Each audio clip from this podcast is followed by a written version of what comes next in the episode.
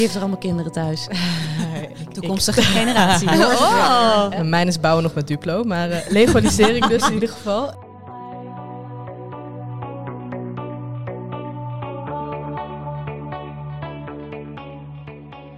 Duurzaamheid lijkt het magische woord te zijn. Het woord dat alle aspecten van een product of bedrijf doet verbleken.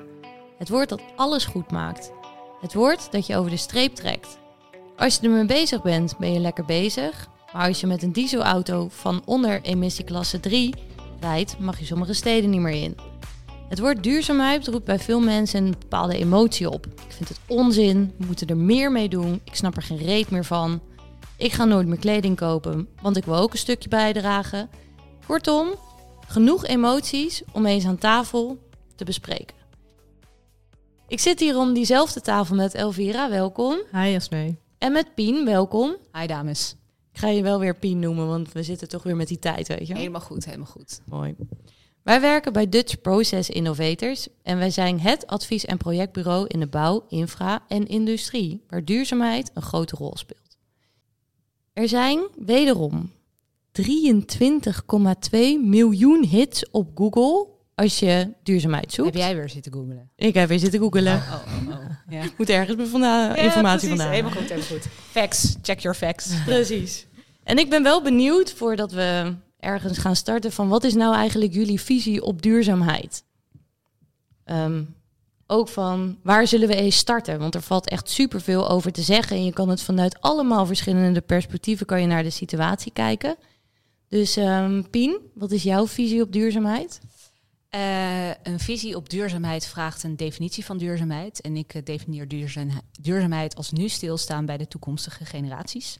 Tegelijkertijd vind ik het een groot eh, containerbegrip. En ik ben heel erg benieuwd hoe we er meer handen en voeten aan kunnen geven. En met name ook, wat moet ik ermee vanuit mijn rol als innovatiemanager binnen Dutch Process Innovators Mooi. voor de toekomst. Helder. Elvira, hoe zit jij erin? Ja, ik, eh, ik vind duurzaamheid, we worden echt een beetje plat gegooid met het, eh, met het begrip. Je hoort het echt overal. Ehm, ja, en zelf kijk ik meer naar people, planet, profit. En dat we daar met een, eh, ja, een balans moeten vinden tussen die drie en er verantwoord mee om moeten gaan. Mooi. Want ook als je kijkt naar de facts, ik heb weer even zitten googelen, Pien. Maar klimaatverandering heeft inderdaad een hele grote verse, forse impact op onze leefomgeving. Dus het is ook niet gek dat je er zoveel over kan vinden. Want we moeten ons voorbereiden op hevige weersomstandigheden, zwaardere regenbuien, overstromingen, stijging van de zeespiegel. En dat heeft eigenlijk met al onze functies binnen DPI echt wel een goed raakvlak. Ehm, dus laten we vandaag allereerst even beginnen met waar zit volgens jullie de grootste winst voor duurzaamheid? De grootste winst. De grootste winst, ja. En ook een beetje wat mist er nu in onze sector? Hebben we het idee dat we kansen laten liggen? Of hebben we het idee dat we op bepaalde... Dus dan kijk je naar de grootste winst voor duurzaamheid in onze sector. Ja, in onze sector. Elvira, Nou, ik denk dat jij daar het meest over te zeggen hebt in je tenders die je Mijn tegenkomt. tenders nog ja, wel. en je afstudeeropdracht, toch? Je hebt er, bent erop Nou afgestudeerd. ja, ja, ja, ja, maar ik wil toch eigenlijk wel eventjes een, een leveltje omhoog gaan. Ik denk dat we misschien de hele bouwsector compleet anders moeten gaan inrichten. Zo. Ik, eh, ja, dan moet ik Ambitie. denken aan, Spreken eh, wij even hier zo tijdens deze podcast? Nee, ik heb een keer een, eh, een filmpje gezien van eh ehm, Hennis de Ridder, was hoogleraar aan de TU Delft. En hij heeft het over legalisering. Jazeker. Ja. Die heeft er allemaal kinderen thuis.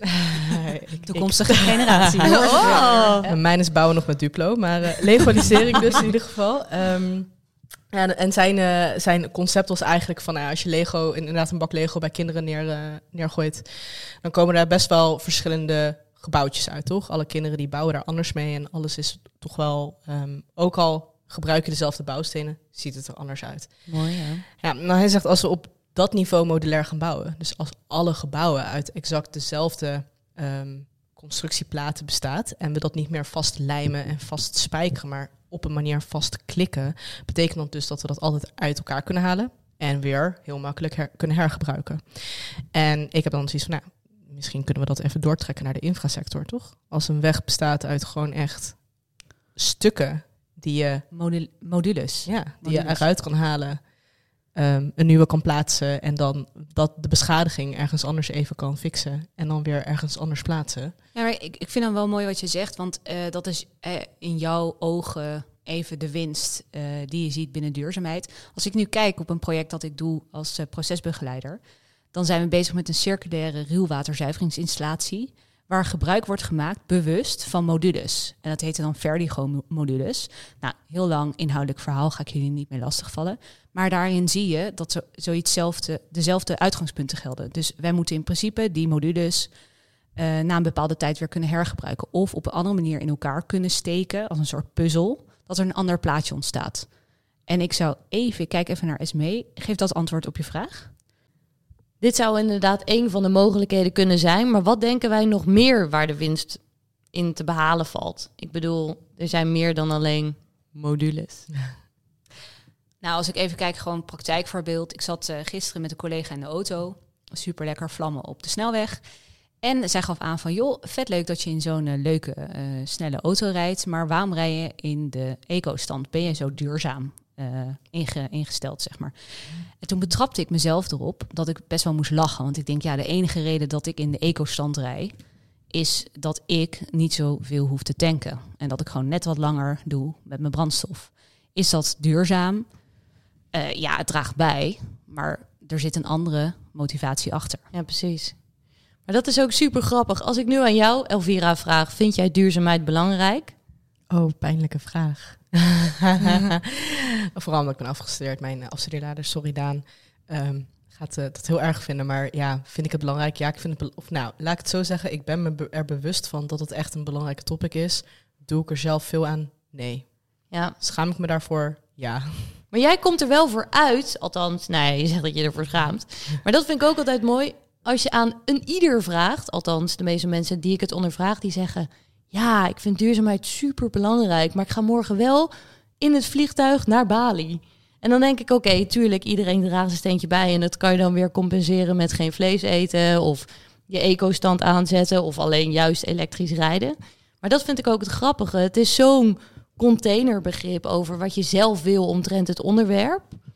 Dus, um, want Piem, hoe, kijk jij hier tegenaan? Wat, wat voel jij? Nou, ik schiet een beetje in de lach, want je bent heel uh, diplomatiek, maar eigenlijk is het gewoon hypocriet. Ja, ik, nou, een beetje wel, ja. ja.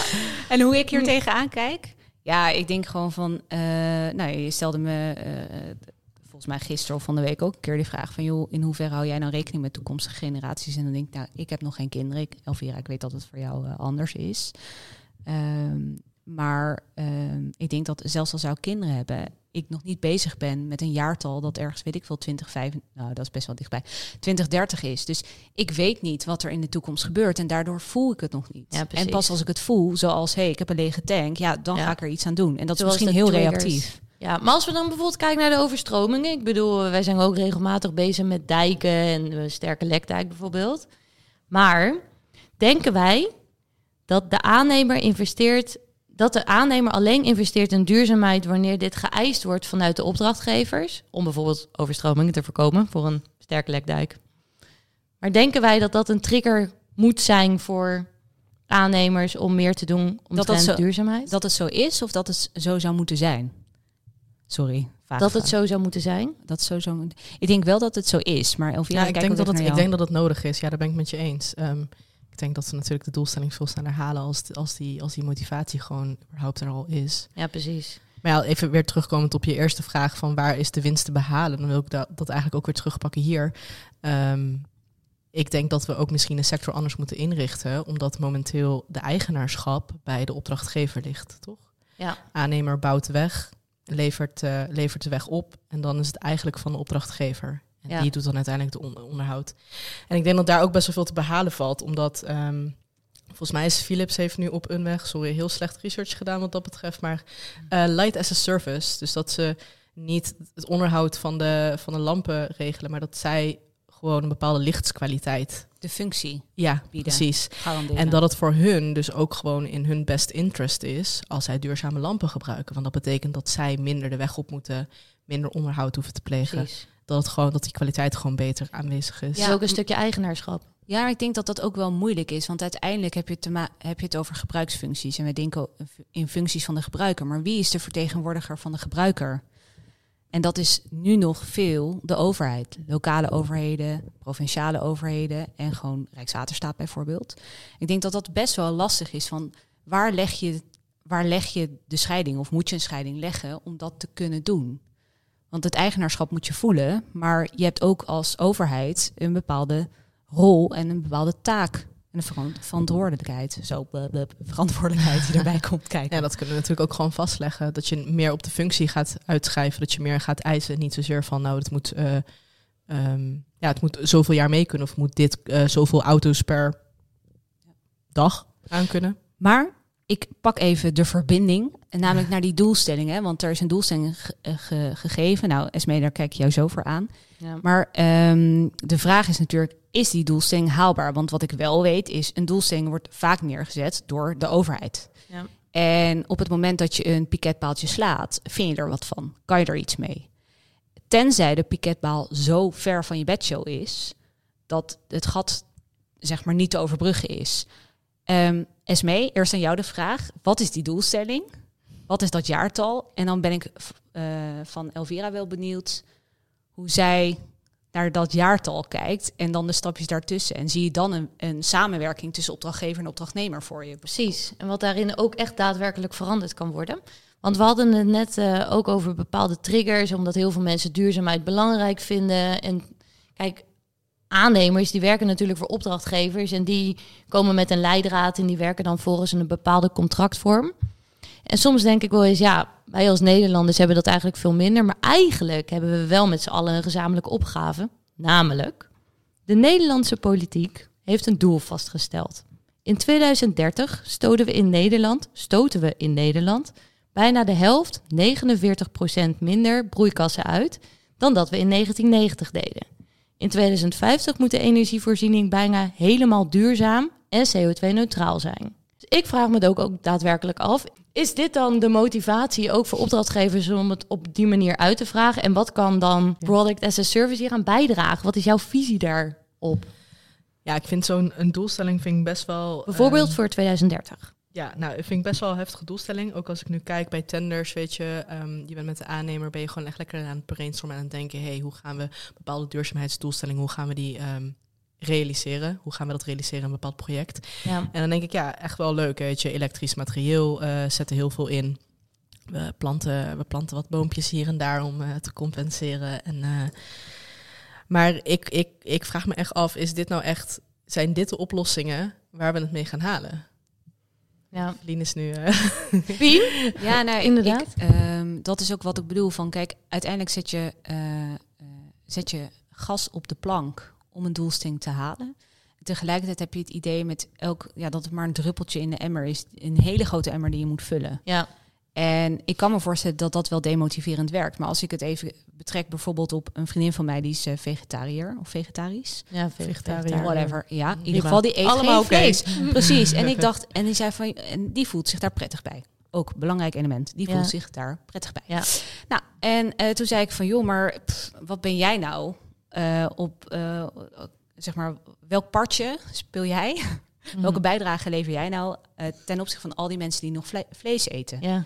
Toen zei ze, dat klopt, maar ieder klein beetje helpt. En ja. ik vind dat toch wel, dat maakt wel sens. Alleen, je voelt het pas, ook hier weer, op het moment dat je daadwerkelijk effect ziet. Ja. En dat maakt het zo moeilijk, want dat moet je meetbaar maken, blijkbaar. Precies dat, het meetbaar maken. Dat vind ik ook altijd zo grappig. Nou, Elvira is ook actief binnen tenders, dat doe ik ook. En elke duurzaamheidsmaatregel die je naar inzet, bijvoorbeeld de uh, inzet van elektrisch materieel, dat moet je aantoonbaar laten zien aan de opdrachtgever. Maar als iemand in jouw omgeving minder vlees eet, dan kan je moeilijk laten zien, ja, jaarlijks... Uh, bespaar ik hierdoor uh, eh, 2% minder CO2-uitstoot. Maar eigenlijk zou dat best wel een coole oplossing zijn. Dat je gewoon een soort van website hebt. Dat als je het hebt over innovatie, weet je wel. Dan denk ik, waarom hebben we dat eigenlijk nog nooit verzonnen? Ja, omdat ik dus precies hier zit je met een dilemma, mijn inziens. Want ik denk dus dat het demotiveert. En als ik een klant hoor, een aannemer bijvoorbeeld aan tafel, aan het eind van zo'n brainstorm, heel herkenbaar, ja. zegt van joh, ik snap deze maatregelen, ik snap de doelstelling van opdrachtgever. Ik wil ook graag dat het bedrijf uh, rendeert, dat we uh, daadwerkelijk het project binnenhalen, continuïteit hebben voor de toekomst. Ja.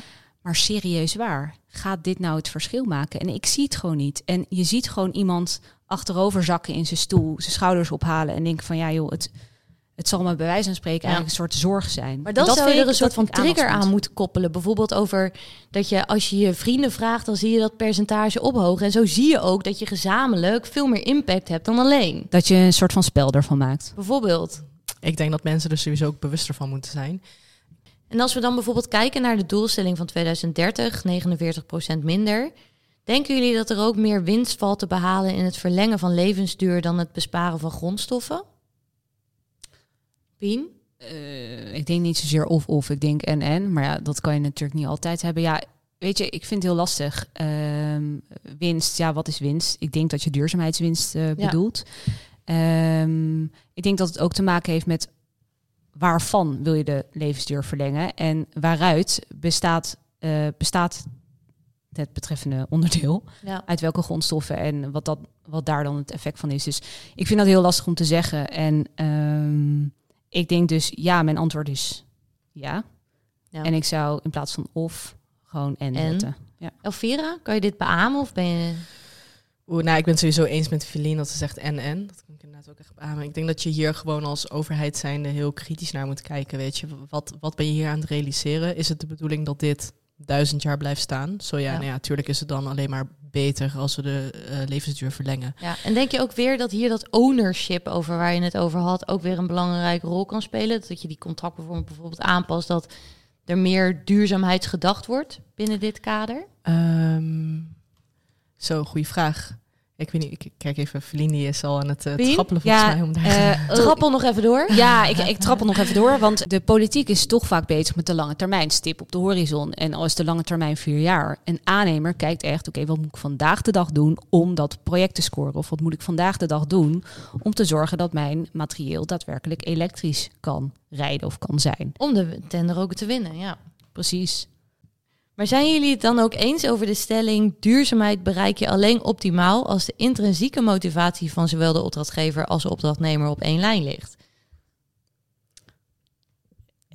Ja, ik zit weer te trappelen, maar ik denk, ja, ik wil niet overal de eerste. Eerst even Elvira. Oké, kom op. Ik denk niet dat het op één lijn hoeft te liggen. Ehm, ik denk wel dat het bij allebei aanwezig moet zijn. Ja. Eh, willen we het gaan realiseren? Ja. Maar hoe denk jij dat de opdrachtgever en de opdrachtnemer elkaar kunnen triggeren in dit opzicht? Want we zitten natuurlijk gezamenlijk met de doelstelling van 2030 en 2050. Hoe denk je dat je elkaar daarin meer kan... Oké, Pien, je zit weer te trappelen. Let's go. Zeker. Nou, eh, ik denk dat eh, wat dat betreft we best wel een goede stap zetten in de sector. Als je kijkt naar de twee-fase-contracten of de bouwteams, hè, ook wel eh, beter bekend, Ja. een onderdeel van. Ja. dan zie je dat opdrachtgever en opdrachtnemer samen plaats mogen nemen aan die tafel. De tafel waar wij nu ook aan zitten, om het met elkaar te hebben over, hey, wat zijn nou die doelstellingen die we moeten bereiken en hoe kunnen we dat nou het beste doen? Ja. Ieder vanuit zijn eigen rol en zijn expertise. Dus ik denk, ik weet niet of je daarmee intrinsiek gemotiveerd bent, maar ik denk wel dat je elkaar daarmee kan triggeren van, hey, ik bied jou, ik laat mijn perspectief zien, Precies. jij laat jouw perspectief zien en hoe kunnen we dat nou verenigen, zodat we alle, alle twee, wil ik zeggen, of allemaal, intrinsiek gemotiveerd raken om Mooi. aan de gang te gaan. Ja, en ik denk ook wel dat je daar een soort van draagvlak mee creëert, zowel voor de opdrachtgever als de opdrachtnemer, om daadwerkelijk er iets mee te gaan doen. Zeker. En ik denk ook als je kijkt naar dat het een containerbegrip is. Iedereen is maar een beetje op zijn eigen eilandje bezig. Sla het plat. ja, echt. Anders kan je inhoudelijk zo geen goed gesprek met elkaar voeren. Nee, maar dit is wel, weet je, als je met elkaar gaat communiceren over, hey, wat bedoel je nou precies? Wat is jouw visie hierop? Wat wil jij precies bereiken? Precies. En dan aan de andere kant, wat Ja. kan jij voor mij betekenen? En in hoever, hoe ver kan jij gaan om dit voor mij... Weet je, wanneer is het haalbaar voor jou? Ik denk dat het echt wel een heel belangrijk gesprek is in Ja. deze sector. En dan gaat het ook verder dan alleen inzet van elektrisch materieel. En daardoor stoot je inderdaad CO2-reductie en weet ik wat allemaal. Maar als je echt kijkt naar het ontwerp. Kijk, ik heb er helemaal niet echt veel verstand van. Ik schrijf het op en ik maak er een mooi verhaal van, weet je wel. Maar ik denk ook wel dat daar best wel veel winst in te behalen is. Maar dan kijk ik heel even naar Elvira op het gebied van circulariteit. So, ja, sorry, wat, eh, wat is jouw concrete vraag hier? Nou ja, denk je dat Lekker, daar een- vind ik ook wel Ja, mooi. dat is natuurlijk... Nou, even plat, eh, is mee? Maar denk je dat daar ook veel winst te behalen valt op het gebied van duurzaamheid? Dat je meer circulair gaat denken, materiaalgebruik of materiaalgebruik, sorry nu. Nou, ik zou hier eigenlijk meer eerst willen aanwijzen. ehm, wat is het verschil tussen duurzaamheid en circulariteit? Volgens jou, Esmee? Ben ik heel benieuwd naar. Ik bedoel, Ja. ik heb me verdiept in circulariteit. maar- Duurzaamheid is eh, niet meer met vliegtuig gaan en circulariteit is dat ik mijn afval scheid. Circulariteit is dat ik mijn afval scheid. Ik vind dat wel een lekker. Elvira, wat wilde jij? eh, En antwoord? gebruikt. Ja, ja, ja, lekker wel. Nou ja, ja ik zal, dus, dus duurzaam is voor mij people, planet, profit, weet je wel. Gewoon echt een goede balans vinden daarin. Ja. Circulariteit is voor mij verminderen van grondstoffen. En eigenlijk gaan naar die, naar die nul afval. Dus eigenlijk dat je gewoon niet... niet Alles meer- kan Ja, hergebruiken. precies. Dus recyclen ja, maar dus ook echt hergebruiken. Filien. Ja, ik heb nog een vraag. Hè, want ik merk dat eh, een beetje de, de strekking van, eh, van de aflevering zit hem ook heel erg op welke winst zien we hier. En, welke, en dan denk ik wel oplossingsrichting en dergelijke. Maar joh, wat nou eens als we de kosten die gaan zitten in het niet duurzaam doen, daadwerkelijk niet vandaag de dag rekening houden met toekomstige generaties. Als we die nou eens nemen als uitgangspunt. En dan hoef je nog niet eens winst te maken. Nou, je ziet het toch ook in Limburg dat heel veel huizen daar verwoest zijn door de overstromingen. Maar heb je het dan, kan ik hem zo interpreteren? Of Ja. ben ik daar vrij in? Ja, ik, ik denk wel, want eh, tenminste, ik vind dat het helpt mij om te denken in wat kan ik nu vandaag de dag doen Om het tastbaar te om het maken. tastbaar te maken. Want winst is voor mij zoiets, ja, dat, daar zit ook iets goeds of iets slechts aan. Terwijl op het moment dat je gewoon probeert kosten te vermijden, hetzelfde als ik Ja. wil minder tanken. Ja, het is voor mij kost Ja. het me energie om die auto uit te stappen en die Ja, unit in dat ding dat te steken. dus eigenlijk is het... Oké. Maar eigenlijk is het ook mooi dat je hem omdraait inderdaad. Dat duurzaamheid ook heel veel kan opleveren op het gebied van ehm, winst. En winst kan je dan op meerdere manieren interpreteren uiteraard. Maar sla de definitie vooral plat. Elvira?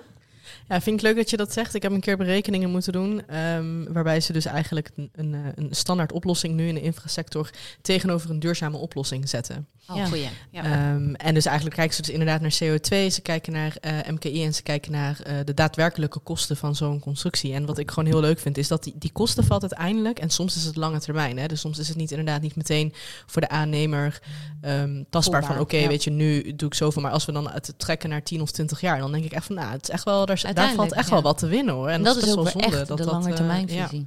Maar hier Leuk. wil ik ook even aanhaken, want een klant van ons die, eh, die zei recent nog over lange termijn focus en intrinsieke motivatie gesproken. Ik weet dat ik een beetje moet opschieten. eh, van hey, eh, dat is leuk. Ik ga over, nou, wat is een vijf jaar eh, met pensioen. En hoe laat ik hier nou mijn organisatie achter? Dat we gesteld staan voor de toekomst. Dat we continu zijn en dat we dus ook weer projecten binnenhalen. En, dan als je denk hem ik, terugpakt op jouw visie, op mijn visie, eh, nu rekening houden met toekomstige generaties. Ja, dat is duurzaamheid. dan heb je hem circulair rondberedeneerd. Prachtige afsluiting is mee. Dankjewel. Elvira, heb jij nog een laatste, het laatste slotwoord? Ja, laatste slotwoord. Eh, ik moet zeggen, ik heb vandaag een eh, tendersessie gehad met de klant. En daar hebben zij best wel mooie duurzame oplossingen in ehm, eh, neergezet. Of ontwikkelingen, innovaties waar zij aan denken. Ehm, ik ben erg pessimistisch ingesteld, zoals jullie misschien doorhebben. Maar ik ehm, ben ook al positief als ik dat zo zie. Als ik die ontwikkelingen zie in de markt. Gaaf. Ehm, wij zijn er nu mee bezig. Ja. Ehm, ik ben er misschien een beetje geforceerd thuis mee bezig. Dus ja. Mm. ja. Ik vind niet zo pessimistisch hoor. Het is gewoon pragmatisch. Iets waar wij ook. eh Hé hey, jongens, ik peren, want ik ga even een boom planten. Oh, ga jij eens even lekker een boom Ga je even planten? compenseren voor Alright, de CO2. Precies. Ik wil jullie hartstikke vriendelijk bedanken voor deze, jullie inbreng voor deze aflevering. Thanks, eh, Bedankt. En ehm, ik zie jullie eh, buiten bij mijn boom. Ja, succes weer met de volgende Google-actie. Dank je, ik ben benieuwd.